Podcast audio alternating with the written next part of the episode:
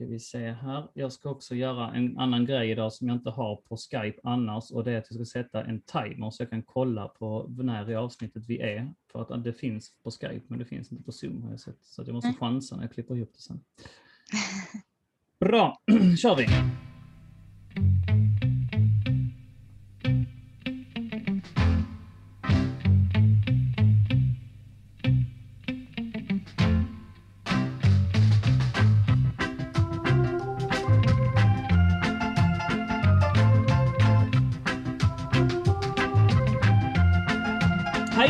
Och välkomna till ett nytt avsnitt av CSS-podden. Den enda svenska Chelsea-podden. Den är skapad och manövrerad av oss på Chelsea Supporter Sweden och vi är ju såklart den enda svenska Chelsea Supporterföreningen med platinamedlemskap i Chelsea FC. Jag som pratar heter Daniel Joanno, även känd som Donny. Ditt blåa åskmoln mitt i det svenska Chelsea-vädret. Yes, jag är kreativ. Och jo då, jag har åskat ordentligt här i Skåneland idag. Därav kopplingen. Jag är finurlig, så är den. För jag slår ner i podd och ska prata Chelsea ännu en gång. Och blixtrar med mig även denna dag gör Fredrik Temmes. Jag tror det är för tredje gången på kort tid, eller hur Fredrik? Jajamensan, det stämmer. Eh, jag var med för två veckor sedan, eller blir det tre nu? Eh, och så var jag med förra veckan. Mm. Och det, det, eh, har varit en frisk fläkt. Du sitter på mycket kunnande. Vi är väldigt glada att ha dig här. Men då undrar jag om allt är bra med dig idag? Ja, jo, men det är bra. Det är fredag, eh, ölen är öppnad och det är poddinspelningsdags. Eh, så det finns ju inte mycket att klaga på. Hur är det själv? Nej men du, det är fantastiskt. Det är ungefär samma eh, våglängd, men jag har, jag har väntat lite med att just knäppa den, för jag tycker det ger lite effekt. Va? Men i övrigt så är jag på exakt samma våglängd ska jag säga dig. Och efter några veckors eh, frånvaro lyser även Sofia Almroth upp det svenska Chelsea-himlen med oss ikväll. Eh, Sofia, hur är det med dig idag? Det är bara bra. Till skillnad från dig så har jag haft sol och suttit ute och njutit hela dagen. Mm. Det... Skryt kommer du inte långt på. Ska jag säga det, här i Skåneland har det varit fruktansvärt regnigt i denna vår. Det är så att man eh, tar sig för pannan. Men men, så är det. Och som Fredrik är inne på så är det ju förvisso fredagskväll, men vi kör ändå ett standardavsnitt eh, denna fredag. Alltså, det är fredag och det är klart att vi är präglade eh, av, av, av den dagen på veckan så, så att säga. Och vi har en härlig fredagsharmonisk känsla i kroppen. Eh, men till skillnad från andra fredagsavsnitt vi har spelat in, där vi i princip tagit allt på uppstuds, så har vi en agenda idag att förhålla oss till. Och eh, den lyder, vi ska prata om fa kuppfinalförlusten Vi ska prata om revanschen som kom ganska så kort därefter. Vi ska prata om denna urladdning och läget i ligan inför sista omgången. Vi ska ta tempen på Aston Villa och vi ska svara på lyssnarfrågor som vi har fått på CSS-podden-gruppen på Facebook. Så är det! Det var alltså agendan. Så vi kör alltså ett standardavsnitt på en fredag eller ett fredagsavsnitt i standardformat. Ja, lite hur ni vill, men det är klart att vi dricker lite öl. Det är ju som sagt fredag. Välkomna till avsnitt 107 av CSS-podden.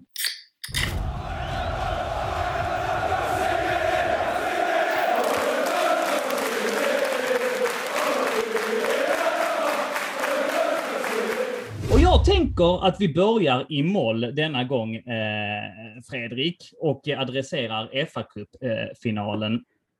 Eh, eh, Tuchel skyllde på otur. Eh, otur. Eh, han menade att vi hade all eh, statistik med oss eh, och, och, och, i termer om chanser och bollinnehav och så vidare. Så eh, ja, borde vi ha vunnit matchen. Eh, Fredrik Temmes på sin Twitter tyckte inte vi var värda vinsten. Utveckla. Ja, alltså jag tycker att vi inte alls kom in i matchen med eh, rätt energi och eh, attityd. Eh, det kändes som att vi underskattade Leicester. Mm. Eh, det stämmer att vi hade en del otur med några missade chanser, men allt som allt så tyckte jag som sagt inte att vi gjorde tillräckligt för att förtjäna att vinna. Eh, med det sagt så var Leicester inte mycket bättre. Skillnaden var eh, Tilemans otroliga långskott och eh, Schmeichels lika otroliga räddningar på Chilwells nick och Mount skott. Vi vaknade till med ungefär 20 minuter kvar, men då var det för sent. Sofia, vi bollar över den mm. direkt till dig. Vad, vad säger du? Vad är dina intryck av, av eh, Chelsea-Leicester i FA-cupfinalen? Ja, jag håller väl med Fredrik lite där. Det kändes inte riktigt som att vi var med från start. Det kändes som att det var två lag som, jag vet inte, vi, vi ville det inte tillräckligt mycket utan Leicester ville ha den här vinsten mer. Den betydde mer för dem. Så att, mm. Och vilja slå klass i det här läget. Mm. Uh, det syntes inte som att vi, vi ville inte vinna det här. Så. Ja, mm. sen samtidigt så har ju Tuchel en poäng. Det var 13-6 i skott. Eh, mm. Det var tre skott på mål mot Leicesters 1 och det gick i mål. Vi vann bollinnehavet med nästan 70-30. Vi hade nästan dubbelt så många passningar.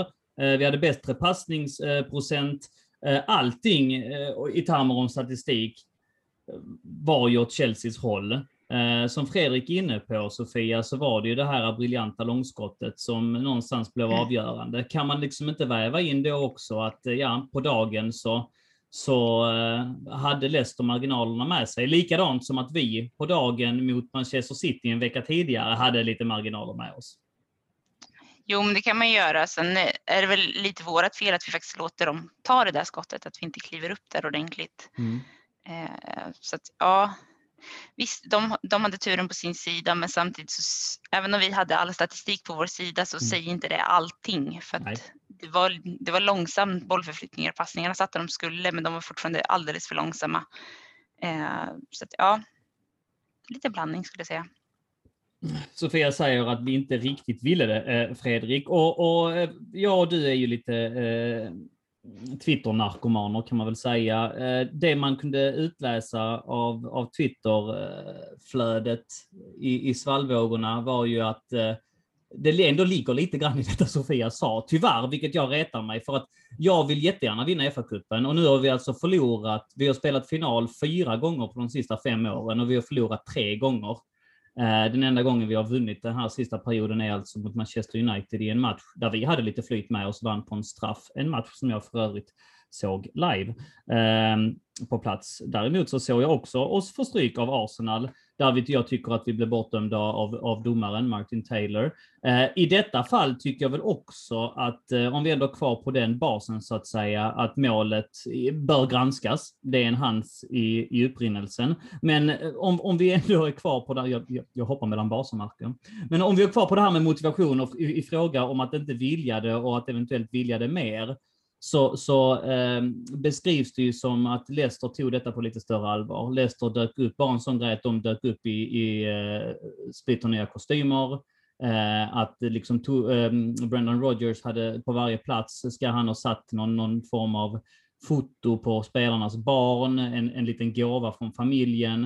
Eh, de var laddade, de kom ut mycket tidigare, ska de ha gjort på planen för, för att eh, eh värma upp. Chelsea ska tydligen ha dykt upp i sina träningsställ. Eh, Tuchel eh, bemödade sig inte att klä sig i kostym, vilket är ändå lite kutym att göra i en fa Cup-final, va? när man har kungligheter på plats, i det här fallet då Prins Harry. Eh, det var liksom inte samma allvarsamma, det här betydde liv och död för Leicester, men eh, kanske, kanske är det så att Sofia har en poäng här, va? att det inte betydde riktigt lika mycket för oss. Vi har liksom större träd att klättra i. Det är lite viktigare för styrelsen att sluta topp fyra och vinna Champions League. Och väver man in alla de äggen i korgen så var detta kanske det, det minst, eh, eh, ja, det som var värt minst helt enkelt. Förstår du mitt resonemang Fredrik? Absolut, och jag tycker att det är synd därför att jag hade också väldigt gärna velat eh, vinna FA-cupen. Eh, inte minst med tanke på att eh, vi förlorade förra året.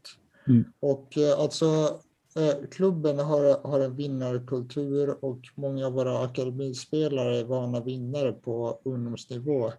Men eh, inte på A-lagsnivå än. Och det hade, hade därför varit otroligt viktigt för den här unga spelargruppen att ta sin första titel. Mm. Uh, och det här kändes som en bränd chans därför att uh, Leicester tycker jag vi ska slå. Mm. Uh, dagen före matchen så lyssnade jag på en intressant intervju med uh, Tony Mount, uh, Masons pappa. Mm. Han berättar att han har uppmanat Mason att ta, ta en bild på förra årets medalj och betona vikten för sina lagkamrater att de inte skulle komma hem med likadana medaljer i år. Silvermedaljer alltså? Ja, precis. Mm, mm. Men det meddelandet måste ha fastnat i utkorgen eller något, för med tanke på hur vi spelar så kan inte budskapet ha gått fram. Och för att spinna vidare på det här du sa om om förlorade finaler. Eh, faktum är att vi har ett uselt finalfacit de senaste åren. Mm. Det här var ju då vår tredje raka finalförlust och sedan 2015 har vi spelat 11 finaler och har förlorat åtta stycken. Så vi får verkligen hoppas att, eh, att vi förbättrar den statistiken och vänder trenden med starten 29 maj i Porto. Mm. Jag undrar om man räknar till finaler i den statistiken, men det behöver inte. Det, det målar ändå upp eh, en viss bild, absolut. Eh, Sofia, i termer om att ta det på allvar, har du något att tillägga i den diskussionen innan vi rör oss vidare? Nej, egentligen inte. Eh, det, det präglade matchen lite grann. Det syntes ja. lyste igenom lite grann. Mm. Ja, alltså det känns som att tisdagsmatchen var viktigare och vi har mm. även en CL-final framöver. Så mm. det, det, känns som att det, det var viktigare att fokusera på dem, mm. tyvärr. Mm. Så är det. Och sen så är det ju alltid så att matcher skriver historier. Hade liksom vår, en av de här ramträffarna där i slutet gått in, så hade det ju varit en annan historia. Hade inte Kasper Schmeichel eh, storspelat, som man gjorde, hade det också varit en annan historia.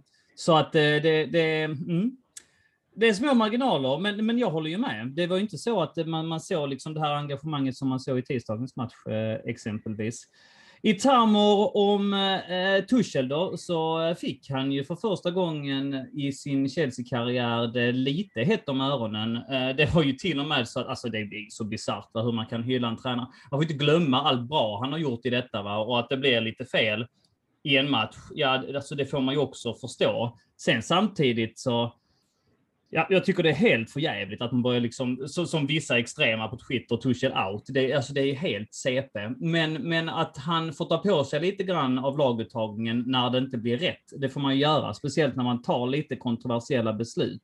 Jag personligen, Sofie, om vi börjar med dig, tycker mm. att det är, som vi har varit inne på, det är lite underskattning att inte spela med sitt bästa lag. Och Kepa mm. Arrizabalaga är inte vår bästa målvakt. Och jag säger inte att Mendy hade tagit den bollen. Det har blivit lite diskussion om det i, i, eh, i eftersnacket. Mm. Eh, men jag säger att han har större chans att ta den. Och jag säger också att jag tror att Thielemans är mer benägen att skjuta från det avståndet när han vet att Kepa Arrizabalaga står i mål. Eh, ligger det något mm. i det? Ja, men där håller jag med om. Eh, men det har ju lite längre armar. Han är ju längre, eh, så mm. det är klart att han är större räckvidd. Men och samtidigt som du säger, man vet om att när det är Kepa i mål, då ska man ta de där distansskotten för det finns en chans att de ska, kan gå in. Mm. Men samtidigt så blir det ju våra back, backar får inte tillåta det skottläget heller eh, i det läget, utan då måste de kliva upp eftersom de också är medvetna om att det, det finns en chans att de bollarna går in. Eh, så det, det går att diskutera hur mycket som helst om om. Vad, vad hade hänt om? Eh, så. Så är det Och det är det man hamnar i när man har förlorat en final. Mm. Man, eh, man hamnar gärna i de diskussionerna. Fredrik, eh, i termer om eh, målvaktsvalet, var, var, var står du där? Ja, nej, men vi visste ju på förhand att eh, Kepa skulle starta i egenskap mm. av... Eh, jo, det visste vi, men det behöver inte betyda att det är rätt för det. Nej, jag, jag hade nog hellre ställt eh, Mandi i mål också. Uh, alltså jag tycker absolut inte att det är en tavla av Kepa. Nej. Det kan man absolut inte säga. Nej, men det kan man inte. Det vore ju sjukt att anse. Det är ett otroligt skott, men uh, jag tror nog faktiskt att uh, Modi hade fått fingertopparna på, på den mm. bollen. Mm. Jag tror i alla fall precis som, som du att alltså, chansen är större. Därför att det skiljer ändå 11 viktiga centimeter mellan. Och ja. Kepa är 1,86 och Mandi är 1,80 1,97 så att mm. Eh, det säger sig självt att, att uh, han hade varit närmare att ta den. Men vi ska väl inte hänga Kepa för det heller därför att det är ett otroligt skott av mm. uh, Thielemans och precis som Sofia säger så borde vi verkligen ha satt press på honom. Men jag håller också med om det du säger att alltså det är allmänt känt på något sätt att långskott är en av Kepas svagheter och eh, med Mandi i mål så hade han kanske inte tagit det där skottet. Men det, det får vi aldrig veta heller. Så är det ju. Eh, I termer om laguppställning, om vi ändå är kvar på den noten. Eh, det var ju inte bara det att Kepa stod i mål som jag reagerade på. Jag reagerade också på att eh, Alonso eh, fick spela från start när jag tycker att Ben Chilwell är en mycket bättre spelare. Jag tyckte att det var konstigt att eh, Hakim Ziyech startade också, som har varit eh, direkt formsvag hela säsongen. Han har glimtat till någon match här och där, va? men eh, det är inte att ställa den bästa anfallsuppsättningen på, på planen. Eh, Fredrik, håller du med om det? Eh, ja, det gör jag. Eh, alltså jag blev också lite förvånad över att eh, Marcos Alonso startade, men eh, han har ju en tendens att göra viktiga mål. Mm. Men han var ju svag och med facit i hand så borde Chilwell ha startat. Och det är väl egentligen lite samma sak med Ziyech. Han, han har ju fått ett rykte om sig att vara de stora matchernas man. Mm. Mm. Och eh, det beror mycket på, på det han gjorde med, med Ajax i Champions League innan han kom. Men eh, alltså både han och eh, Werner tycker jag var frapperande usla där framme. Eh, däremot så var ju Mount eh, som vanligt riktigt bra. Men eh, mm. det, det, håller liksom inte att, att eh, två av tre i fronttrion är så, är så svaga i en final. Nej, nej, så är det ju. Eh, mitt när vi pratar om detta, som jag kommer på att jag blandar ihop matcher här. När jag pratar om de två ramträffarna, det var ju Chelsea-Arsenal, eller hur? Jag menar, det är ju otur här om att eh, Ben Chilwell var en tånagel offside. Det är ju, mm. alltså de, de, de, vi spelar så mycket matcher nu så att de går ihop i varandra. Eh, ja, precis. Och, och att, alltså, vilket för mig in eh, på VAR egentligen, men den kan vi i och för sig öppna till, till, till nästa match alltså. Men jäklar vad det är provocerande när man firar så som jag gjorde där. Alltså jag tänkte att det här, nu har vi kvitterat. Och så säger farsan i soffan till mig, vänta, vänta, vänta, vi kan inte fira än. Jo då, låt mig fira, du ska inte ta detta ifrån mig. Sen mycket riktigt så, ja, var allting förgäves. Oja mig sånt är det. Längre upp eh, Sofia, som eh, Fredrik är inne på här, eh, frågetecken kring den, eh, de uttagningarna där uppe också. Eh, ja, tillför i diskussionen. Ja, alltså jag kan förstå att man väljer att spela Ziyech här. Eh, mm. För att han är ju en, en, spelare som tycker om att hålla mycket boll och driva boll på motståndarnas planhalva. Så jag kan förstå att man sätter honom mot, mot Leicester. Men mm. samtidigt, han är inte i form så jag hade ju hellre sett ja, Pulisic där för att han har ju varit bra de senaste matcherna mm. eh, och varit pigg så jag tror att han har tillfört mer. Mm. Samtidigt så Alonso, den kan jag inte förstå riktigt. Visst, han har sina stunder, men just eftersom Chilwell kommer från Leicester så är det ju bättre att sätta in den. För jag vet ju bara själv att man blir så mycket mer taggad att möta sitt, sitt gamla lag. Ja. Eh, man ger alltid lite extra. Mm, mm. Eh, och sen, jag, jag, blir fortfarande väldigt trött på Werner som alltid är offside. Han, han tar inte ens jobbet hem på rätt sida utan han står offside. Mm. Eh, så att, ja, mm. det är klart att det kan bli bättre där. Vi ska dyka ner i eh, Timo Werner alldeles strax också, mm. fast eh, ja, vi ska börja i lite positiva ordalag när vi pratar alltså om den här revanschen som jag tänker att vi kan egentligen gå in på det nu. Finns det något mer egentligen Sofia, Fredrik och, och ta ut från den här fa Cup-förlusten? Det är ju liksom planenligt att vi måste adressera den för att eh, ja, det är en del mm. av programinnehållet och vi har inte spelat in podd sedan dess. Va? Men ska vi lämna det där hen eller vad säger du Fredrik? Jag har eh, väl ett par grejer jag skulle vilja mm. ta och eh, det är Shoot. att jag faktiskt tycker att Tuchel förlorar den taktiska kampen mot Rogers. Mm. För Leicester hade allt som oftast inga problem alls med att hantera våra omställningar som var så effektiva mot till exempel eh, Real Madrid. Mm. Eh, I, I de matcherna så kändes det liksom livsfarligt varenda gång vi, vi kontrade, men här så, här så tycker jag att vi inte alls eh, fick ut det på samma sätt. Så där, där så tyckte jag att Rogers tog en lite taktisk triumf. Sen en annan sak jag tänkte på att det var ju det var ju kul att, att publiken var tillbaka och det kändes fantastiskt och gav en speciell inramning. Men mm. eh, eh, åtminstone vad jag hörde så tycker jag att vi förlorade matchen även på läktarna för det var i princip enbart Leicester-fansen som hördes. Eh, tycker jag faktiskt. Eh, och sen en sista grej som vi måste nämna när det gäller fa Cup-finalen så är ju ändå eh, vad eh, Daniel Amarteyr mm, mm. efter, efter matchen när han då på en Instagram live kastar vår vimpel i golvet. Och så gör man bara inte. Det är så extremt respektlöst. Mm. Så är det och den hade jag ju som punkt här till eh, eh nästa. Eh, till det vi skulle ta upp på nästa punkt så att säga. Men eh, nej, jag håller helt med. Det var fruktansvärt respektlöst och det provocerade mig också. Eh, vilket då fick agera tändvätska också, som, som Rydiger mycket riktigt sa här. Eh, Sofia, har du någonting eh, mer att tillägga i, eh, i den här diskussionen? Nej, inte Nej. sådär på rak arm så.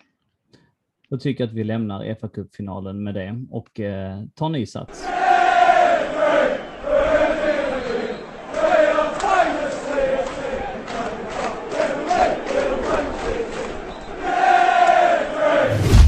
Ja, då var vi tillbaka och eh, eh, vi lämnar det därhen.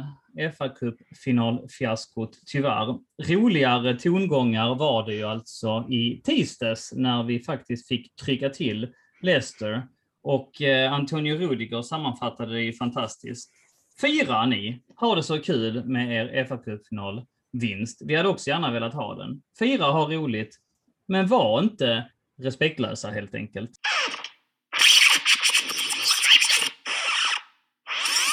Uh, straight away because uh, obviously to lose a final like like we lost, it was uh, a, bit, a bit unlucky for me.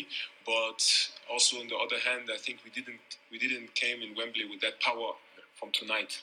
Totally and, different. Uh, that was like uh, that's that was like day and night to be honest. And um, yeah, we wanted to we wanted to we wanted to show to them because also there's the top four on the line, and uh, you know like uh, unfortunately like uh, some people of them they don't know how to celebrate and uh, we had to punish for this.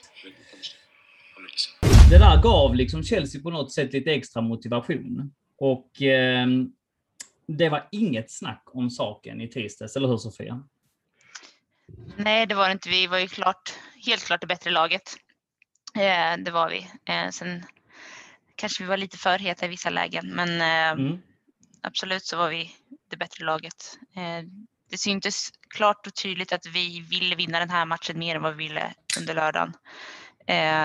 Spelarna var liksom mer på tå redan från start och visade att de faktiskt vill vinna den här matchen och spela för den här fjärde platsen. Mm.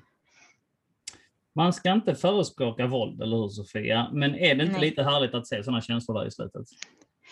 Alltså det är alltid härligt att få se att, att spelare står upp för varandra, att man, är, att man verkligen brinner till. Samtidigt så ibland så går det lite till överdrift eh, om du frågar mig. Eh, jag är mm. väl kanske lite mer, mer för att det ska avgöras ut på planen och mm. bråk. Mm. Ja, jag tycker det, eh, får jag vara ärlig och säga, att jag tycker det, det, det är kul när det blir så. Om det inte går över gränsen, det är klart det är en balansgång, men, men det här tyckte jag i princip bara var roligt. Eh, Fredrik Temmes, vad, vad säger du om det? Det hettade till. Eh, det var publik på läktaren, alltså bara hemmapublik dessutom i en match som betydde jättemycket. Amartey är där mitt i smeten och ska spela hjälte. Det flyger liksom på Aspilicuetas, Thiago Silvas eh, och eh, ja, det var väl någon till om det var Mendy eller eh, eh, Rydiger som, som alltså bokstavligen verkligen manhandlar honom därifrån. Eh, ja, det tände något i mig. Ja, nej men jag, jag tycker bara att det är kul när det blir lite gruff. Eh, det visar ju att det finns en gnista och lite fight i spelarna och det känns som att eh, det saknas lite bad boy-attityd i den här spelargruppen. Mm. Jag kommer att tänka på det som Mourinho sa till Spurs-spelarna i Amazon-dokumentären att mm. you're all very nice guys but for 90 minutes uh, you can't be nice. For 90 minutes we have to be a bunch of och ett ord som jag inte bör upprepa här. Uh, om jag vore Ricardo Pereira så hade jag inte bröstat upp mig mot just uh, Rydiger. Uh, honom skulle i vart fall inte jag vilja möta i en mörk gränd så att säga. Eh, men det var ju lite kul att, att bara Amartey blev, blev varnad eh, därför att det kändes ju som att det kanske var fler som, som eh, eh gjorde sig förtjänta av, av eh, åtminstone ett gult kort. Eh, mm. Och sen du var inne på, på publiken och jag tycker att de gjorde ett mycket bättre jobb än, än på Wembley och mm. bidrog ju med en helt enorm indragning. Mm. Även om det bara var 8000 på plats så kändes det som fullt hus på Stamford Bridge. Så jag, jag minns inte sist vi hade den stämningen. Det var, det var otroligt mäktigt faktiskt. Ja, nej, jag håller med. Det, var, eh, det lät som att det var 80 000 eh, på läktaren. Nu går ju inte det på Stamford Bridge alltså, men det var, nej, det var ett jäkla tryck alltså. Det var verkligen härligt att se.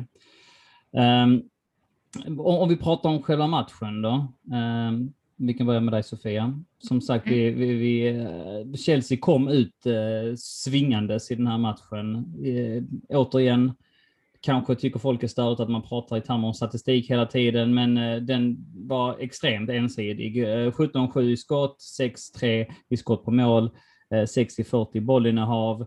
Eh, allting var liksom dominans, men det kändes väldigt länge som att shit, det här kommer liksom inte gå vägen. Eh, en, en första halvlek med två bortdömda mål, med, med eh, idel eh, oflyt och, och eh, liksom bolluslingen som inte vill gå in. Eh, ja, vad är din take på matchen? Väldigt frustrerande i början. Det kändes liksom som att ska vi få en, en till en till lördagsmatch eller på att säga. Mm. Eh, skillnaden nu var ju som sagt att de hade mer, mer attityd, de, vill, de ville det här mycket mer. Det syntes att det betydde mycket mer eh, och de kom ju med mer fart. Det var mer känslor från start eh, och Alltså jag tyckte som sagt att man såg verkligen att vi ville det här mycket, mycket mer.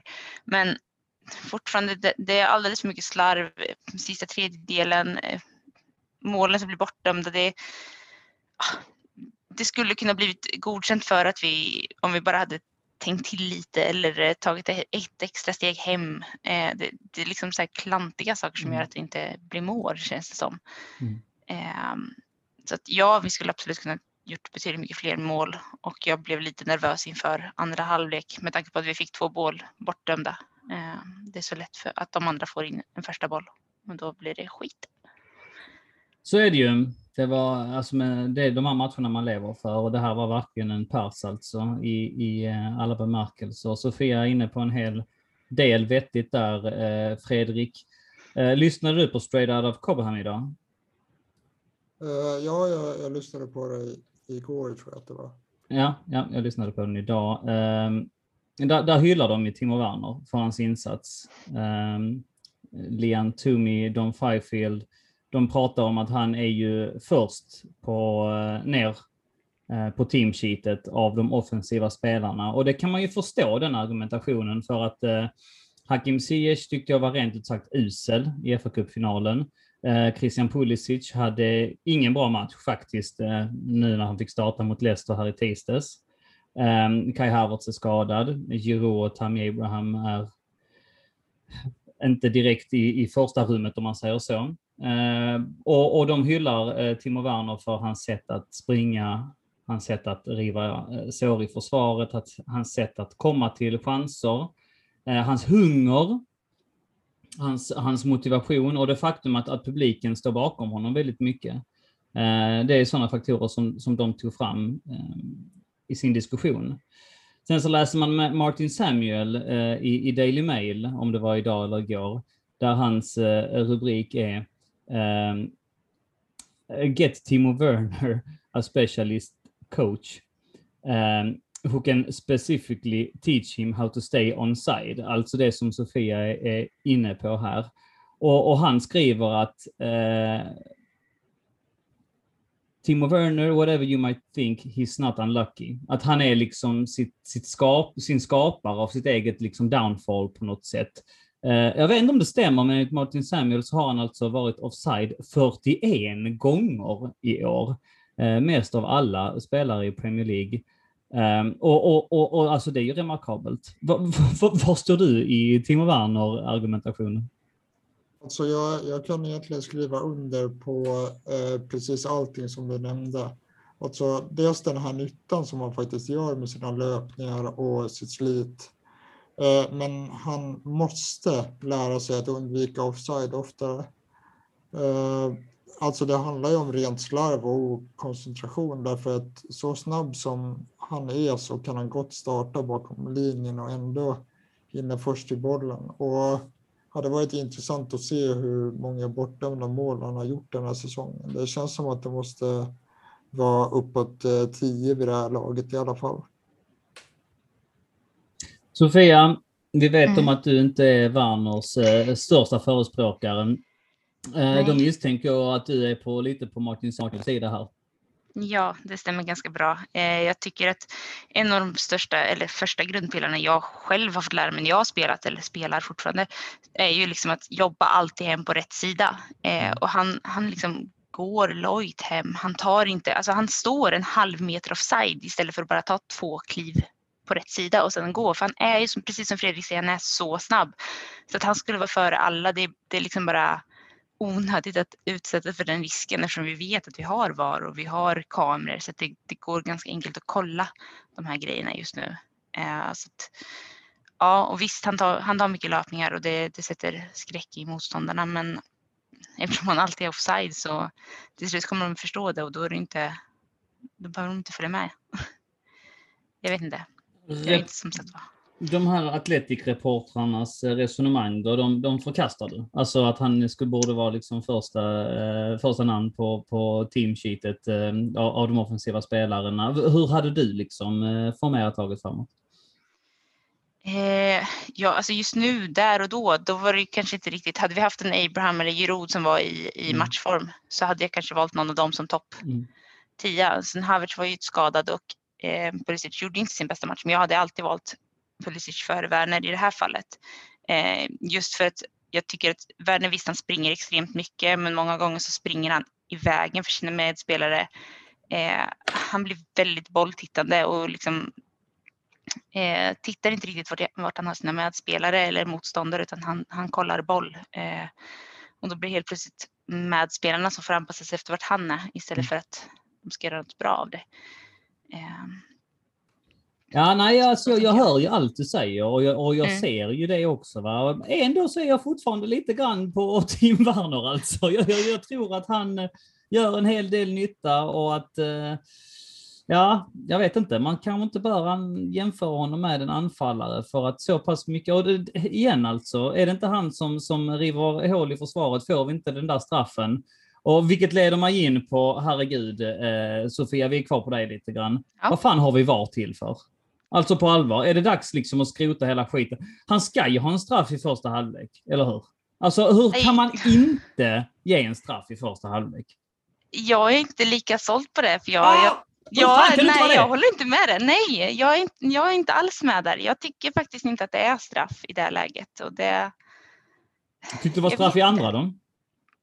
Eh, det blev ju dömd straff, så jag gissar att det var det. Jag kollar inte jätteextra noga på det, men jag vet att jag tittade på det när den här straffen inte blev dömd och jag kände att nej, det, jag hade nog inte blivit besviken om, om det hade blivit, alltså även om jag är Chelsea-fan så ja, nej, jag tycker inte att det var, var straff så såklart. Men jag, jag vet inte, jag vill ju att domaren ska få döma och så. Sofia Almroth, Andrew Mariner, Mike Dean. Det var de tre på jorden, Fredrik Temme, som inte tyckte det var straff eh, i första halvlek. Eh, bringa lite rason i den här diskussionen.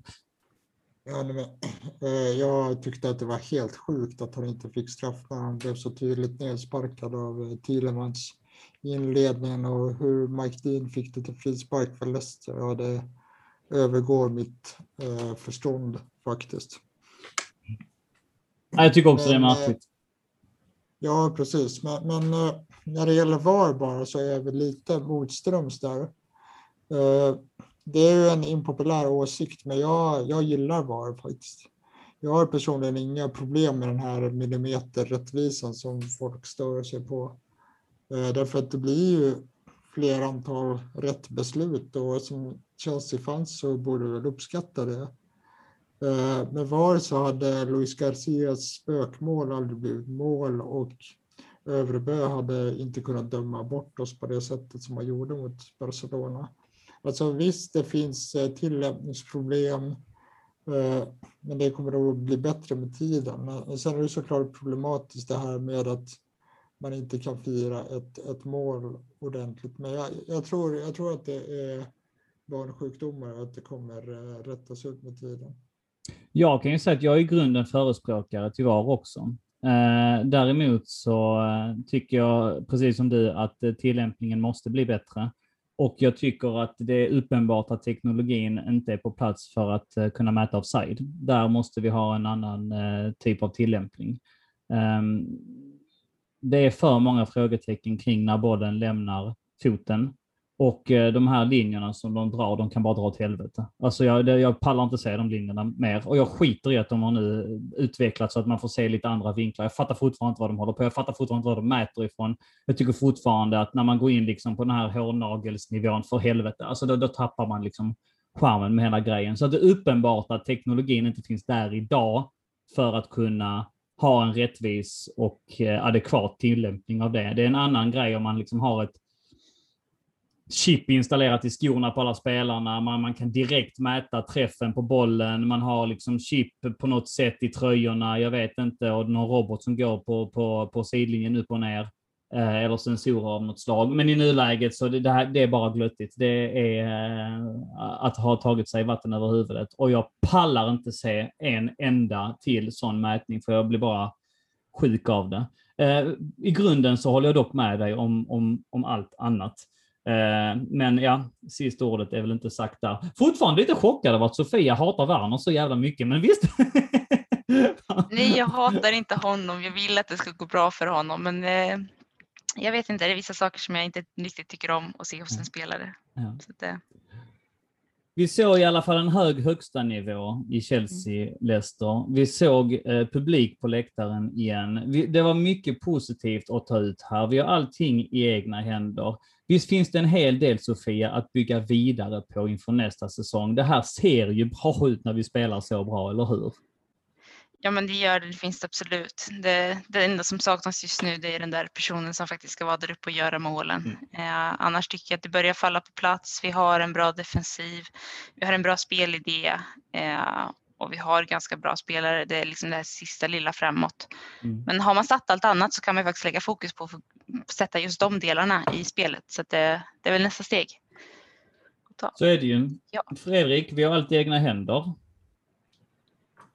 Ja, eh, och det är ju det är ett bra läge såklart. Eh, även om vi borde ju ha, ha fixat det mycket tidigare med, med tanke på, på hur vi presterar mot Arsenal. Eh, hade vi vunnit den matchen så hade vi i princip säkrat det redan. Mm. Så, men vi ska ju absolut vara, vara tacksamma för att vi är i det här läget. Därför att det är, det är tre poäng mot, mot Villa som gäller och Tar vi dem så slutar vi trea. Mm. Så det är upp till oss att göra jobbet helt enkelt. Om inte ni gör någonting emot då så leder det in oss på, på Villa. Vad säger ni om det, Sofia? Det låter bra. Fredrik? Uh, jo, det, det, kan vi göra. Uh, men uh, jag tänkte på en grej med, med Werner bara och det mm. var att jag, jag tyckte att han, han saknades mot, mot Arsenal för han alltså han pressar ju otroligt bra och alltså även med, med alla sina brister så är han ju liksom en, en jobbig jävel att möta helt enkelt. Eh, och eh, jag tyckte att jag, jag, jag kom att tänka på det när jag mötte Arsenal. Jag tyckte faktiskt att vi att vi, eh, ja, vi, vi saknade hans, hans energi och frenesi i den i den matchen. Eh, sen skulle jag vilja, vilja ge en eloge till eh, Antonio Rydiger som var enorm igen. Mm. Mm. Och eh, en av matchens eh, roligaste ja. eh, tillfällen var ju när han gjorde sin otroliga roulettfint och blev ja. fälld sen. Mm. Och eh, jag tycker faktiskt att eh, sett i form så är han ju en av världens bästa mittbackar just nu. Mm. Utan tvekan. Eh, sen kan jag konstatera också att Kova hade ingen bra match och det märktes att han inte var matchfit. Hela hans USP är att han aldrig tappar bollen. Men han mm. gjorde det några gånger nu och eh, ena gången så blev det kostsamt. Och hans passningsprocent kan inte ha varit något vidare. Nej, det är han som eh, eh, bjuder in Leicester i matchen där ju eh, helt eh, sonika. Inte nog med det så är det ju han som tappar markering på Perez precis i slutet också, så att hans inhopp. Jag tyckte ändå man såg, alltså. Ja, jag tyckte att han var bra överlag, vilket är konstigt, men de där två fatala misstagen hade ju verkligen kunnat sänka oss. Mm. Ja, precis, men det är inte så konstigt med tanke på att det var hans uh, comeback. Så mm. jag, jag förväntar mig att vi, vi kommer se honom eh, spela mycket bättre redan i nästa match. Absolut. Eh, en detalj som jag tänkte också på från matchen och som jag twittrade var ju att eh, hur viktigt det är i sådana här lägen att visa hjärta, att, eh, att kämpa, att sätta press. Att Aspilicueta som ytterback är uppe i offensivt straffområde och sätter press på en hopplös boll Eh, där, där försvararen bara ska liksom skicka den över sidlinjen, helst vända och skicka den ut på ett plan. Men eh, den pressen som Aspilicueta sätter där i början på andra halvlek gör att försvararen tappar bollen ut över kortlinjen så att vi får en hörna. Och jag tänkte att fasen om vi gör mål på den här hörnan, då måste jag twittra någonting om att det faktiskt var Aspilicueta som skapade den. För hade inte han gått upp i rygg där så hade vi inte fått den hörnan. Och mycket riktigt, hörnan kommer in, den letar sig fram till Rudiger som får ett lår på den och den går i mål. Så väl värt att nämna alla ni Aspilicueta, eh, vi saknar kapten, eh, proklamerare där ute. Eh, det gjorde han jävligt bra. Noterade ni det?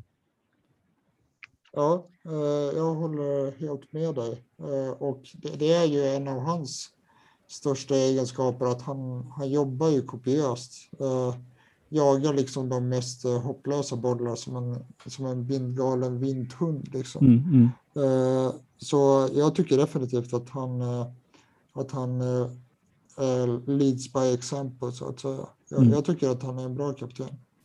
Och mm. det är därför han, han spelar också. Men med det sagt så, så gillar jag inte honom riktigt som, som eh, wingback och det har jag varit inne på tidigare och det återkommer vi till äh, lite längre fram. Men vi kan prata lite grann om det också. Men, men, men äh, först Sofia, äh, Aspilicueta mm. sitter inte bredvid Timo Werner på dödsbussen va? Nej, det gör han inte. Han är ju en sån spelare som jag, men, som alltid gör sitt bästa. Han kanske inte har de bästa matcherna, men han, som sagt var, han, han gör gör det han ska och han försöker verkligen visa hjärta hela tiden och spela för klubben och det, det är liksom riktigt kaptensmaterial. Så att jag, nej, han sitter inte där. Nej, nej. Ja, Fredrik, och du var ju inne på det där, alltså skiftet, liksom, att Aspilicueta har fått finna sig i en wingback-roll nu. Eh, det måste ju ha varit för att matcha eh, Vardys liksom fysikalitet, snabbhet, explosivitet och att man då har gjort, för jag tyckte det var jävligt konstigt att sätta Spilicueta som wingback och Reece James som då en av de tre centrala. Och det var ju många med mig som tyckte det. Men det måste ju varit en direkt frukt av, som sagt, att matcha Vardy, eller hur? Eh, det kan ju inte vara någonting som man kommer fortsätta med här mot Aston Villa och, och, och City, eller vad tror du? Det var, det var absolut vad det var. Eh, det var ju för att, eh, för att matcha honom och eh, hans snabbhet. Och jag, jag tyckte att han, han gjorde det riktigt bra i mm. båda matcherna. Även om han förvisso var den som felplacerade passen som ledde till eh, Perez skott. Var det. Nej, vänta. Nej, det var, det var väl till och med eh, Tidemans eh, mål. Var det.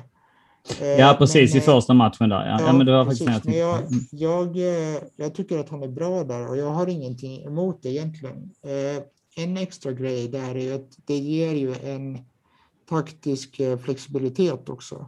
Mm. säg att man har honom som höger, höger mittback och så sätter man eh, Hudson Odoi bredvid honom. Då kan man ju liksom utan att göra några byten eller egentligen förändra något i spelet så kan man ju enkelt gå över till en 4-2-3-1 till exempel. Mm. Mm. Eh, det har vi gjort några gånger tidigare. Eh, jag tror att det var i FA-cupen. Då var det ju så att eh, Riquetta blev högerback och man tryckte upp Hudson-Odoi. Mm. Och jag, jag, tycker att jag tycker ändå att Rhys James har rätt egenskaper för det där. Och jag tror inte alls att det är omöjligt att vi ser honom där oftare. Eh, men med det sagt så som sagt, jag gillar inte riktigt att Briquetta som, eh, som höger wingback därför att han har, han har tappat fart och han har tappat ork. Och eh, alltså, Rhys James är ju bättre eh, som en tvåvägs wingback där mm. än vad Aspilicueta är. Så att jag tycker att, det, att den rockaden är lite märklig, men jag har ingenting principiellt emot att, eh, att eh, Rhys James spelar som eh, höger mittback när, när det är fördelaktigt att göra det. Mm. Och det, det var det mot Vardy därför att uh, Aspilicueta hade inte hängt med i, i Vardys löpningar. Mm. Ja, det är mycket möjligt. Ehm, det ligger en hel del i det. Jag är inte säker på att jag håller med om att det är så jäkla långsamt som väldigt många vill eh, få det till så här på eh, senare tid. Men eh, ja, nej, jag, jag, jag köper ändå delvis resonemanget. Reece James alltså, vår tank, 21 år bara, väl värt att lyfta fram i sammanhanget. Med det vänner så stänger vi den boken för att vi har en match att se fram emot på söndag när det ska avgöras.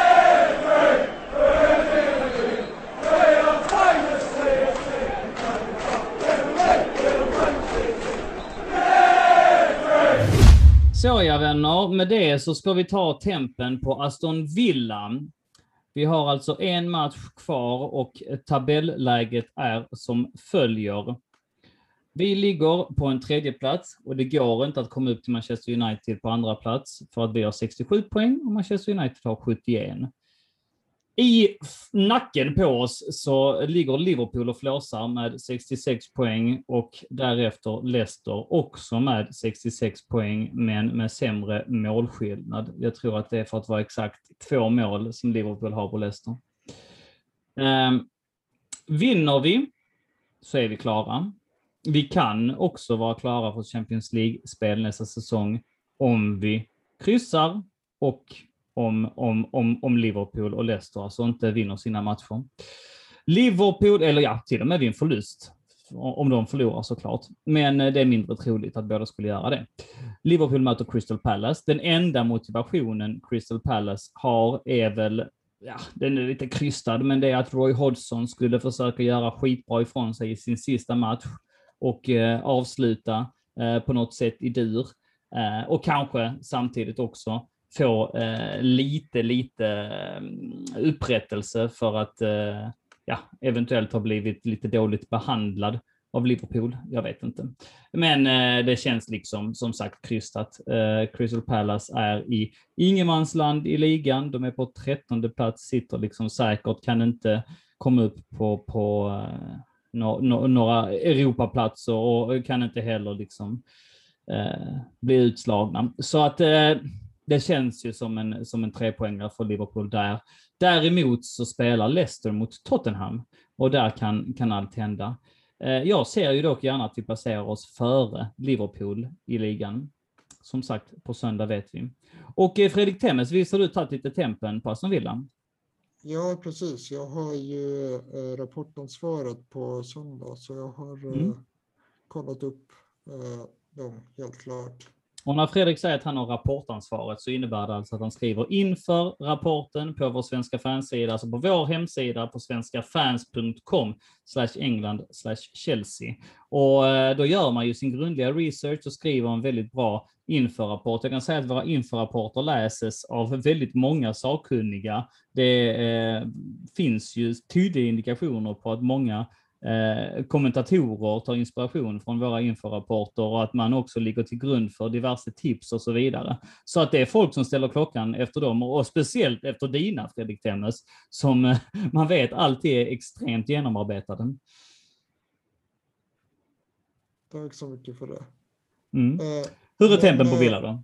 Ja, eh, de hade en riktigt stark eh, säsongsöppning med bland annat den sjuka 7-2 vinsten mot Liverpool. Ja. Där eh, Ross Barkley var glödhet. Och mm. eh, de var ju sedan länge med och fightade som Champions League-platserna men föll ifrån med, med tiden. Just nu så är de tabellmässigt fastfrusna. Eh, de ligger på en eh, elfte plats med 52 poäng och eh, kan varken nå tio, tionde placerade Leeds eller bli omsprungna av tolvorna Wolves. Så de har ingenting att spela om, förutom möjligtvis heder och ära. Då. Även om de har fallit i tabellen så får man allt som allt säga att de ändå har haft en bra säsong. De hade ju åkt ur förra året om det inte hade varit för Sheffield Uniteds mål som målkamerorna missade när Örjan Nyland fångade in bollen. Och i år så slutar de alltså 11 så det är ju en klar förbättring. Deras senaste form är minst sagt en blandad kompott kan man säga. På de sex senaste matcherna har de två vinster, två oavgjorda och två förluster. De kommer senast från en stärkande vinst mot Spurs där de spelade riktigt bra och vände och vann med 2-1. Mm. Eh, senast vi mötte dem var två dagar efter den hems hemska Boxing Day-förlusten mot Arsenal. Båda lagen spelade kraftigt roterade lag och matchen slutade 1-1 efter mål av eh, Giroud och eh, El Ghazi. Eh, man får väl ändå säga att eh, Villa var nog bättre laget och kunde ha vunnit då. Just det. Eh, tittar man på frånvaroläget så är det som så att den viktiga högerbacken Mary Cash ser ut att missa matchen. Det gör även den franska mittfältaren Sanson, liksom egyptiern Trezeguet. Mm. Eh, däremot så är Jack Grealish tillbaka och har spelat sporadiskt på sistone. Men han är mm. förmodligen inte helt fit än. Han är inte helt hundra, nej precis. Eh, och Villa är ju ett lurigt lag med många bra spelare. Eh, Grealish, eh, succéförvärvet Ollie Watkins, El Ghazi mm. och McGinn, eh, Tyron Mings och eh, Martinez i mål. Mm. Eh, för att nämna några stycken. Och när de spelar Chelsea-bekantingen eh, Traore längst fram va? Precis, vi, vi kommer till det. Mm. Eh, när de spelar som bäst så kan de störa vilket eh, lag som helst i ligan. Och eh, precis som du nämner så har de ju några Chelsea-bekantingar i, i truppen. Eh, utlånade Ross Barkley får ju inte spela mot oss eh, på, på grund av lånereglerna i Premier League. Men han hade förmodligen inte fått spela ändå, eller hur? Nej, precis. Han har varit i väldigt svag form och eh, oftast varit bänkad nu mm. eh, under de senaste månaderna.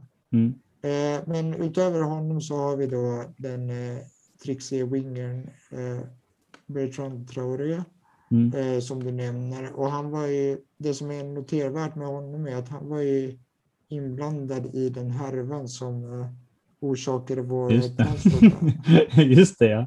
Det, det, är väl det största avtrycket han gjorde hos oss kan man säga. Mm. Eh, och så finns ju förstås... Jag såg faktiskt honom en, en match eh, live eh, för några år sedan, Chelsea-Stoke 1-1. Då borrade han ut, det var nog det enda målet han gjorde för Chelsea. Jag stod på The Shed då, en riktig skitmatch med Gus Hiddink som interimtränare. Då hoppade han in och gjorde ett eh, förvisso väldigt snyggt mål, men det var nog det enda avtrycket han gjorde i Chelsea faktiskt. Så är det med ja, det. precis. Mm. Det är lite synd att vi släppte honom. Han eh, hamnade i Lyon efter ett tag och eh, eh spelar nu alltså i Aston Villa. Mm. Och sen, eh, inte minst, så finns ju en viss eh, John Terry i tränarstaben förstås. Mm. Eh, de spelar oftast en 4-2-3-1 och eh, jag skulle tro att de ställer upp med följande elva. Eh, sa alltså Martinez i mål, en eh, fyrbackslinje bestående av eh, Matt Target, Mings, House och Konsa förmodligen. Nu när Marikash är skadad. Och på det, det defensiva mittfältet så startar förmodligen McGinn och Nakamba med det fantastiska förnamnet Marvelous. Marvelous Macamba, ja. ja, eh, och eh, framför dem så startar förmodligen Traoré till höger, Grealish i mitten och El Ghazi till vänster. Mm. Och eh, som spjutspets så spelar Ollie Watkins som vi verkligen måste se upp för. Mm. Mycket matnyttigt, mycket att eh, ta in. Eh, Fredrik, hur går det? Vi, vi måste ju bara vinna det här. Mm. Uh, vi har ju ett bättre lag och har ju ändå momentum efter den senaste senaste vinsten och vi, vi ska lösa det här helt enkelt. Eh, mitt starttips är nog 2-1 ändå.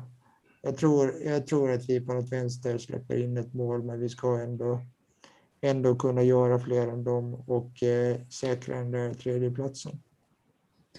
Sofia Aston Villa vann ju som sagt eh, mot Tottenham i senaste mm. omgången. Eh, men visst är Chelsea ett storlek för stora?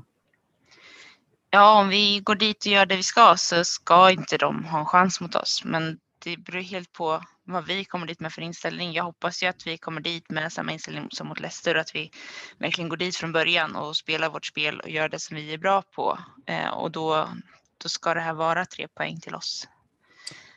Finns det något som talar för att vi inte gör det då? Eh, det enda som skulle vara det är att man eh, underskattar mm. Aston Villa. Att man går in och tänker att det ska vara lätta poäng. Att man liksom inte taggar till så som man gör mot de större lagen. Hur ställer man upp dem? För att det har också spekulerats i det. Kommer man liksom vila spelare nu?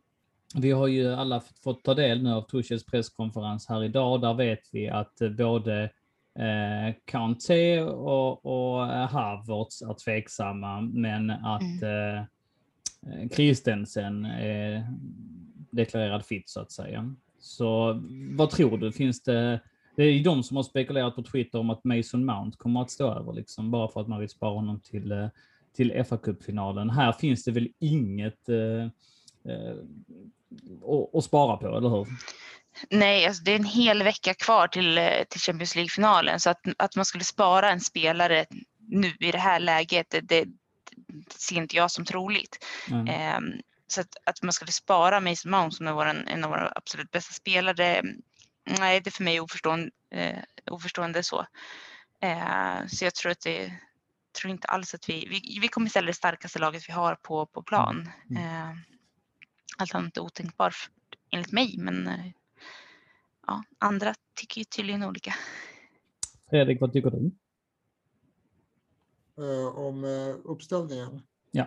Uh, jag vill ju att vi startar med starkast möjliga lag, precis som Sofia. Mm. Vi, vi har inte råd att göra konstiga rotationer här. Vi har två matcher kvar på säsongen och sex dagar kvar till Champions League-finalen. Eh, men jag funderar på en grej som kanske kan tala lite emot oss och, och det är ju det faktum att eh, Aston Villa har eh, sina hemmafans på plats nu. Vi, mm. vi, såg ju vi såg ju vilken inverkan eh, våra hemmafans hade nu mm. i senaste matchen. Och man ska komma ihåg också att när, när det började vända för Lampard, det var ju i och med eh, förlusten borta mot Everton på Goodison. Mm. Och eh, i den matchen så hade, hade Everton sina fans på, på plats. Mm. Eh, och jag minns att de, de gjorde ett väldigt starkt avtryck då. Mm. Men alltså självklart, det är professionella spelare som spelat inför publik i hela sina professionella liv så att det ska, det ska ju inte göra så stor skillnad men jag tror ändå att det ger, ger nog Villa de extra 10 procenten i alla fall. Mm. Sen så ja, hur många spelare är det liksom som har spelat inför? Alltså jag, jag, jag, jag, jag håller ju med i det du säger men alltså Reece James har ju spelat mer Premier League-matcher utan publik. Mason Mount har ju spelat mer Premier League-matcher utan publik. Uh, ja, kanske inte Callum Hudson-Odoi, men alltså det, det, går ju att argumentera för att det här är ett ungt lag som, som inte är särskilt prövade heller. Att uh, det du lyfter fram här är en väldigt intressant dimension som verkligen kan spela roll. Vi får hoppas att det inte gör det i, i negativ bemärkelse. Fredrik, vad säger spåkulan? Spåkulan säger eh, 2-1 till oss. Sofia, hamnar vi trea? Ja, det gör vi. Det måste vi göra. Bra. Med de orden går vi vidare. Innan vi ska adressera lyssnarfrågor, Sofia, så har vi också lite damer eh, att mm. Eh, eh, ta hänsyn till. Och eh, den där fantastiska säsongen som skulle krönas på allra bästa möjliga sätt gjorde inte riktigt det, eller hur? Nej, det blev tyvärr förlust i Champions League-finalen. Mm. Eh, inför så pratade man mycket om att det, det viktigaste var att vi skulle hålla tätt eh, i början mot, mot Barcelona för de är väldigt, de är väldigt effektiva där framme. Mm. Eh, tyvärr så gjorde vi inte alls det, vi gjorde tvärt emot. Mm. Eh, det stod liksom 1-0 redan efter 35 sekunder. Mm. Och sen fick de en straff som kanske inte borde varit straff. Nej, den var eh, väldigt billig. Den var väldigt billig och å andra sidan så, så, var det en som vi borde ha fått straff på som faktiskt var värre i andra halvlek. Mm. Eh, och de, med de två målen ganska snabbt där i början så känns det inte riktigt som att det känns som att vi förlorade matchen redan där och då. Mm. Eh, att de hade vunnit med 2-0, det hade kanske varit mer rättvist. 4-0 tycker jag inte speglar matchen. Eh, sen vet jag också att det finns, om man kollar så här med facit i hand så kan man ju diskutera om man borde ställt upp annorlunda. Mm. Eh, vi valde ju att ställa upp, framförallt i backlinjen då. Vi valde att ställa upp med Carter och Charles som ytterbackar det är två som inte är jätteerfarna spelare så på högre nivå. Eh, båda är, eller Charles är ju inte ens back egentligen, hon är mittfältare. Och Carter, eh, hon är väldigt fysisk spelare, hon går in och bryter boll. Eh, mm. så, eh, och där kanske vi, där har hon varit bra mot, mot de tyska lagen Wolfsburg och Bayern. Eh, men i det här fallet så kanske det hade varit bättre med att ha Jonna där som mer styr eh, motståndarna. Eh, för när man Jonna går försöker... Andersson har ju varit en nyckelspelare i detta lag fram mm. här till slutet där eh, hon på något sätt har förlorat platsen. Eh, det, det, det, har ju varit lite kontroversiellt att hon har gjort det faktiskt och det är många som har pekat på detta nu här i efterhand mm. för att de kom ju runt på kanterna hela tiden, Barcelona. Ja, och just i det här fallet så Jonna tappar ju sin plats lite mot Wolfsburg och Bay, eller mot Bayern egentligen. Men där man kan diskutera där det är ju att Magda pratar väldigt mycket med henne under matcherna mm. och Magda missade ju ett par matcher där mm. och det var ju då Jonna tappade sin plats. Mm. Um, och just i de matcherna så behövde vi ha mer fysiska spelare och i den här matchen så hade vi kanske behövt någon som mer bara styr undan och inte går in och chansbryter. För det var lite där vi gjorde och då tappade vi boll eh, och det blev frilägen. Eh, och det blev, eftersom vi gick upp och chansbröt så blev det väldigt stora luckor mellan backarna eh, både innebackar och ytterbackar. Alltså det blev ytor att komma på. Det såg liksom ut som ett Chelsea som var väldigt skakat mm. av mm. stundens allvar. Mm. Eh, där kan man kanske diskutera för att min upplevelse när jag har läst allting det är ju att hela tiden så har man pratat om att vi ska ta oss till Champions League-final. Mm, mm. eh, vi har aldrig pratat om att vi faktiskt ska dit för att vinna utan vi har pratat om att vi ska ta oss dit och det hade vi gjort. Så att mm. rent krasst så hade vi kanske redan tagit oss till vårt ja. mål. Ja. Eh, och då kanske det är svårt att få, få in en ny. Eh, mm. Och om man kollar då på våra motståndare, Barca, de är, de är väldigt effektiva framåt. De gjorde, hade fyra lägen på mål, fyra mm. bollar i mål. Eh, de har också varit i den här situationen en gång tidigare och då förlorat för mm. två år sedan. Mm. Eh, så de, de var ju sugna på revansch. Eh, så de hade ju lite rutin från en stor match mm. tidigare. Och för vår del så tvärtom. Ganska mm. så eh, lite rutin av just den absolut största scenen. Och ja. eh, vilket man får hoppas eh, har varit en lärdom. Det, mm. det, det jag läst i efterhand har också varit att man tyckte att man såg det på spelarna. Att det var eh, nervöst uppträdande både liksom ja. inmarsch, även Magdalena Eriksson fick sig faktiskt lite känga för att hon hon såg nervös ut vid, vid, vid handskaket och, och eh, det var ju darrigt, så är det. Sen mm. så blev man ju maximalt bestraffade. Eh, men, men så kan det ju gå eh, när det är på den, på den nivån. Så är det ju. Men förhoppningsvis innebär ju detta att man har fått blodad tand och man kan spänna bågen ytterligare nästa säsong, mm. eller hur? Och att Emma Hayes stannar. För det har ju också varit lite rykten kring att hon har ju kopplat samman med Wimbledon bland annat, alltså herrklubben. Mm. Liksom.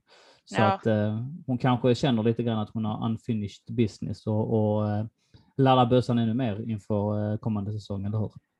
Mm, jag tror inte att hon kommer lämna för en herrklubb i så pass låg nivå. Eh, och som sagt om man lyssnar på henne så, så pratar hon redan om nästa säsong att mm. man faktiskt nu när man samlas inför försäsongen igen att man mm. ska spänna bågen extra mycket. Mm. Eh, för nu, det är nu det gäller liksom. Eh, så att, eh, vi fick i alla fall avsluta hela säsongen med en 3-0 seger mot Everton i torsdags. Eh, så det var alltid något. Precis, eh, och mycket positivt eh, ändå när man sammanfattar damernas mm. säsong. Så är det. Tack så mycket för det Sofia. Varsågod. Med det så går vi in på lyssnarfrågor och alltså in i avsnittets sista segment. Är ni taggade för det mina vänner? Absolut. Kör på. Fan vad roligt. Och eh, eh, vi la upp en tråd i förmiddags och det har verkligen eh, rasslat in frågor. Och jag ska bara hitta dem här på Facebook. Jag tänker att vi, återigen så är det ju så att vi har adresserat vissa redan. Um, vi, vi börjar med att jag hugger tag i en fråga här direkt. Jag tror det är andra frågan i tråden och den är från eh, Eh, Jonas Frank eh, som dessutom eh, har designat vår CSS-loggo. Jonas Frank är en god vän till mig, en CSS-medlem sedan urminnes tider, Chelsea in i benmärgen och en fantastiskt duktig AD. Inte nog med att han har designat CSS-logotyp så har han gjort en hel, vi har samarbetat på en professionell nivå, jag och, och, och, Jonas med mina restauranger också. Och han har lagt fram hela vår grafiska profil. Jonas är en fantastisk eh, Chelsea-supporter och vän, det är det jag vill säga. Och han undrar om arenabygget, senaste om arenabygget. Eh, och vi har fått den frågan lite titt som tätt och adresserat den som, som, som hastigast. Men, men jag, eh, av, av en händelse så googlade jag detta för någon vecka sedan, så att jag gick in på de länkarna igen bara för att fräscha upp minnet och tänker ge er det jag har. Eh, bara en, en, recap. Det finns inte jättemycket, men det finns vissa hållpunkter man, man, man kan spinna tillbaks på. Eh, man kan se redan att ett snack om en, ett arenabygge har, har funnits och bubblat väldigt länge, men att det konkretiserades i januari 2017 då man fick tillåtelse av kommunen, the council, alltså berörda myndigheter kan man väl säga, att, att bygga en ny, eller för, för det första så är tillståndet att man skulle få riva Stanford Bridge och sedermera då bygga en ny arena. Eh, bilderna läckte ju ut alltså på, på den här nya fina arenan. Designen stod klar och den såg väldigt fin ut. Den skulle ta 60 000 i kapacitet och man presenterade en plan på, på eh, hur det skulle gå till över en fyraårsperiod och man skulle då eh, hyra in sig på en annan läktare eller på en annan arena under tiden. Eh, vilken arena var det inte riktigt klart, men det fanns lite olika alternativ där Wembley nämndes i sammanhanget. Eh, 18 månader senare, alltså nästan eh, ett och ett halvt år senare, eh, så gick man ut med ett eh, pressmeddelande från Chelseas håll att man har satt all den här planeringen på håll. Alltså standby. Eh, och eh, eh, man skyllde på alltså unfavorable investment climate och att det liksom inte var rätt klimat för att investera. Vilket vid stunden kändes väldigt konstigt. Ehm, men det var det, det var det man kablade ut i alla fall. Det som hände senare det var tyst. Det var, det, det var, det, det, var helt, helt eh, tyst och, och, det man kunde läsa sig till var ju att det här det började liksom ticka ner. De få rapporterna som kom ut gjorde gällande att det här tillståndet att riva arenan och eh, bygglovet då att bygga upp en ny arena höll på att löpa ut. Och det sista man läste då var alltså att det mycket riktigt löpte ut och detta var alltså för ett år sedan, den 31 mars 2020. Så eh, mm var det kört helt enkelt. Och i och med det så släppte eh, Chelsea ytterligare ett pressmeddelande. Man eh, meddelade att man eh, var medveten om att deadlinen hade passerat. Och eh, man, man, man, skrev att man eh, fortfarande eh, skulle liksom consider the right options, eller något i den stilen, for a new stadium should the economic conditions improve. Um, och, och, eh, det är väl sunt att anta så här ett år senare att man står fast vid den bedömningen att de ekonomiska eh, omständigheterna inte har förbättrats med tanke på corona och så vidare.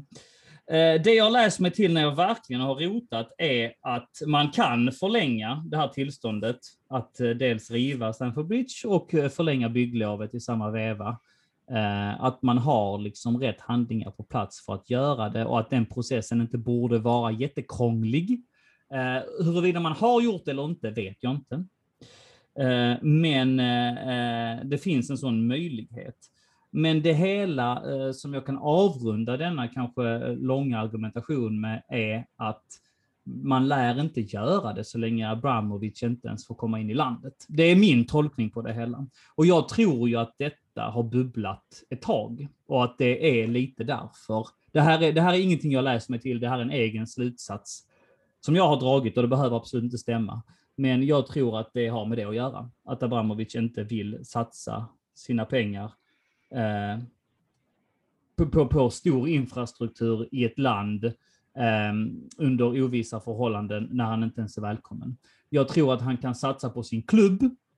Jag tror att han kan satsa på, på sin egen hobby, sitt, sitt eget varumärke, sina eget humankapital, sina egna spelare. Men inte i infrastruktur, det är där hans gräns går. För att det känns som att han bygger någonting i ett land där han inte är välkommen. Som sagt, det här, det här vet jag inte. Det här är bara en, bara en egen tolkning. Ehm, och eh, det är där vi står. Dels har vi corona som gör att eh, de ekonomiska förutsättningarna inte har förbättrats överhuvudtaget utan snarare tvärtom. Och dels får Abramovic inte komma in i England. Så att eh, så länge det är på det, på det sättet så lär inte vi får några andra positiva nyheter kring arenabygget, är jag rädd. Jonas Frank. Så hoppas jag att jag har svarat på din fråga. Och med det går vi vidare till en annan fråga. Ehm, Mikael Kullman vill att vi ska prata om Rydiger, vilken ledare och vilken sanslöst bra match senast. Det har vi gjort, eh, Fredrik Temmes. Eh, någonting att lägga till om Rydiger? Nej, inte egentligen, utan jag vidhåller att han eh att han på nuvarande form är en av världens bästa mittbackar och mm. det är absolut ingenting som jag såg komma. Men hans uppryckning under Tuchel har ju varit helt enorm alltså. Visst har du det. oerhörd. Sofia, eh, Mason mm. Mount vann eh, årets spelare i Chelsea mm. och eh, det tror jag inte att vi eh, säger emot. Det var fullständigt rättvist tycker jag. Mm. Eh, det går att argumentera för att Rydiger har varit vår näst bästa spelare, eller? Jag har nog faktiskt inte honom där. Jag har nog Silva och Mendy framför faktiskt. Okay. Mm. Eh, när jag satt och diskuterade för att jag tycker att de har varit viktigare om man kollar sett mm. över hela säsongen för vår mm. defensiv och att vi har hållit tätt så mycket. Mm. Eh, Rydiger har absolut varit bra nu på, på slutet men han, det känns som att han är en spelare som är väldigt beroende av speltid och att ha en tränare som tror på honom. Mm. Eh, och då, då, är han jättebra, men han är inte bra om man inte, inte får den möjligheten. Eh, och för mig så är det en, en spelare som ska ha det priset ska ha gjort större impact eh, sett över en hel säsong än vad, mm. vad han har mm. haft. Mm. Jag håller med. Det är, ju, det är ju exakt som Fredrik säger. Det här är ju bara baserat på mm. andra mm. halvan av säsongen. Men med det sagt så tycker jag att den halvan har varit så pass bra så att man bör nämna honom i sammanhanget. Men jag köper exakt Absolut. Eh, vad du säger det är ju skitroligt att ibland håller vi med varandra, ibland håller vi inte med varandra och det vore ju eh, supertråkigt om vi bara satt och nickade med varandra hela tiden. Men eh, Fredrik, hur högt håller du Rydiger i termer om årets spelare? Eh, alltså jag hade precis samma, samma resonemang som, eh, som Sofia. Mm. Men du eh, vill knövla in Kristensen på en eh, position där också, eller hur? Nej, det, det vill jag inte göra. Eh, men Alltså, Mount har ju känts given mer eller mindre hela mm. säsongen. Mm. Och eh, eh, ett par bubblare som jag hade var Thiago Silva och eh, Mandi mm. som har varit oerhört viktiga för vår defensiv och varit jämna mm. hela säsongen. Mm. Eh, och hade säsongen börjat när Tuchel kom in så hade man kunnat övervä överväga Antonio Rydiger, men han var ju i frysboxen under ja. första halvan av mm. säsongen. Så att, äh, därför så tycker jag att man inte riktigt kan äh, inkludera honom på samma sätt. Äh, sen kan man ju nämna i all hast också att årets unga spelare gick till ytterbacken Valentino Livramento mm. som har haft en oerhörd framfart i U23-laget. Mm. Nej, fantastiskt häftigt och eh, vi får hoppas att han eh, går en ljus framtid till mötes eh, som, som faktiskt många andra i den akademin faktiskt nu har gjort. Vi börjar verkligen skörda frukterna från den eh, akademin. Och, och, jag vill bara lägga till eh, om, om eh, Mondi Thiago Silva så håller jag faktiskt med er. Jag, jag, jag eh, hade nog också haft dem före Rydiger om man skulle göra en hierarki på det hela. Eh, och jag vidhåller att jag tror att eh, Eh, vi hade haft svårt att kvalificera oss till eh, Champions League-final ifall vi hade haft Kepa i mål. För att Mondi gör en, eh, eventuellt två stycken utomjordiska räddningar i semifinalen mot Real Madrid. Och det är sådana skott som jag tror att en annan typ av målvakt släpper in. Och då säger folk att de är otagbara. I synnerhet skottet som man räddar mot Benzema den, är, den, den räddningen är helt sjuk och det är bara på grund av hans eh, räckvidd som han lyckas ta den. Så är det. Vi går vidare. Vi ska ta eh, några frågor till innan vi avrundar och eh, jag tänker att vi tacklar Stefan Haupts eh, fråga här som, som eh, jag tycker är väldigt eh, intressant. Ponera att Chelsea ska varva in en helt ny elva till nästa säsong. Samtliga spelare ska vara fortsatt aktiva och har representerat Chelsea någon gång tidigare. Alltså det är kriterierna. Aktiva och har representerat Chelsea. Eftersom ni ska spela in nu ikväll antar jag också att det är på sin plats att säga skål, vilket jag tycker är roligt av Stefan. Så skål på dig Stefan! Och så eh, Fredrik, här har du gjort hemläxan, eller hur? Jag har också gjort det, eh, en elva i och för sig. Och ja, det har ju Sofia med. Så att, men, men vi kan börja med dig. Ja, jag ska presentera mina förslag. Yes. Eh, som målvakt så första namnet eh, jag fick upp i huvudet var ju Ormen i Madrid mm. tyvärr. Mm. Mm. Tyvärr har jag också honom. Precis, men, men, jag kände att jag, jag, kan ju inte välja den reptilen i ett mm. sånt här lag. Så att jag gick faktiskt på Asmir Begovic i Bournemouth. Okej. Okay. Mm. Som ett slags reservalternativ. Mm. Sen som vänsterback så har jag också två namn. Eh, antingen eh, Patrick van Aanholt i Crystal Palace eller eh, Ryan Bertrand, eh, den gamla hjälten från eh, mm. 2012. Ja, eh, på mittbacken var det lite svårare, men där stod det och vägde mellan Ivanovic och David Luiz. Mm, och det är väl egentligen de som, som blir mina eh, två val där, för jag, jag spelar fyrbackslinje då. Ja. Eh, men eh, jag tänkte lite utanför boxen också. Då tänkte jag på eh, Jeffrey Broma, eh, vår gamla mm. akademiprodukt som numera spelar i Wolfsburg. Och eh, mm. jag kom även att tänka på Michael Mancien som nu mm. håller till i Burton i League One. Ja. Eh, som högerback så kändes eh, Tariq Lamptey eh, given. Mm. Han har haft en oerhörd framfart i Brighton sedan han gick dit. Men han har varit skadad uh, mycket sista tiden, eller hur? Precis. Uh, mm. Och sen så har jag ett femmanna mittfält som man kan formulera, uh, formera lite som man vill.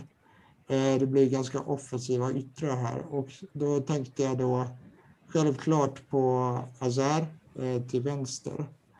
Eh, man skulle även kunna, kunna ta eh, Jeremy Boga också.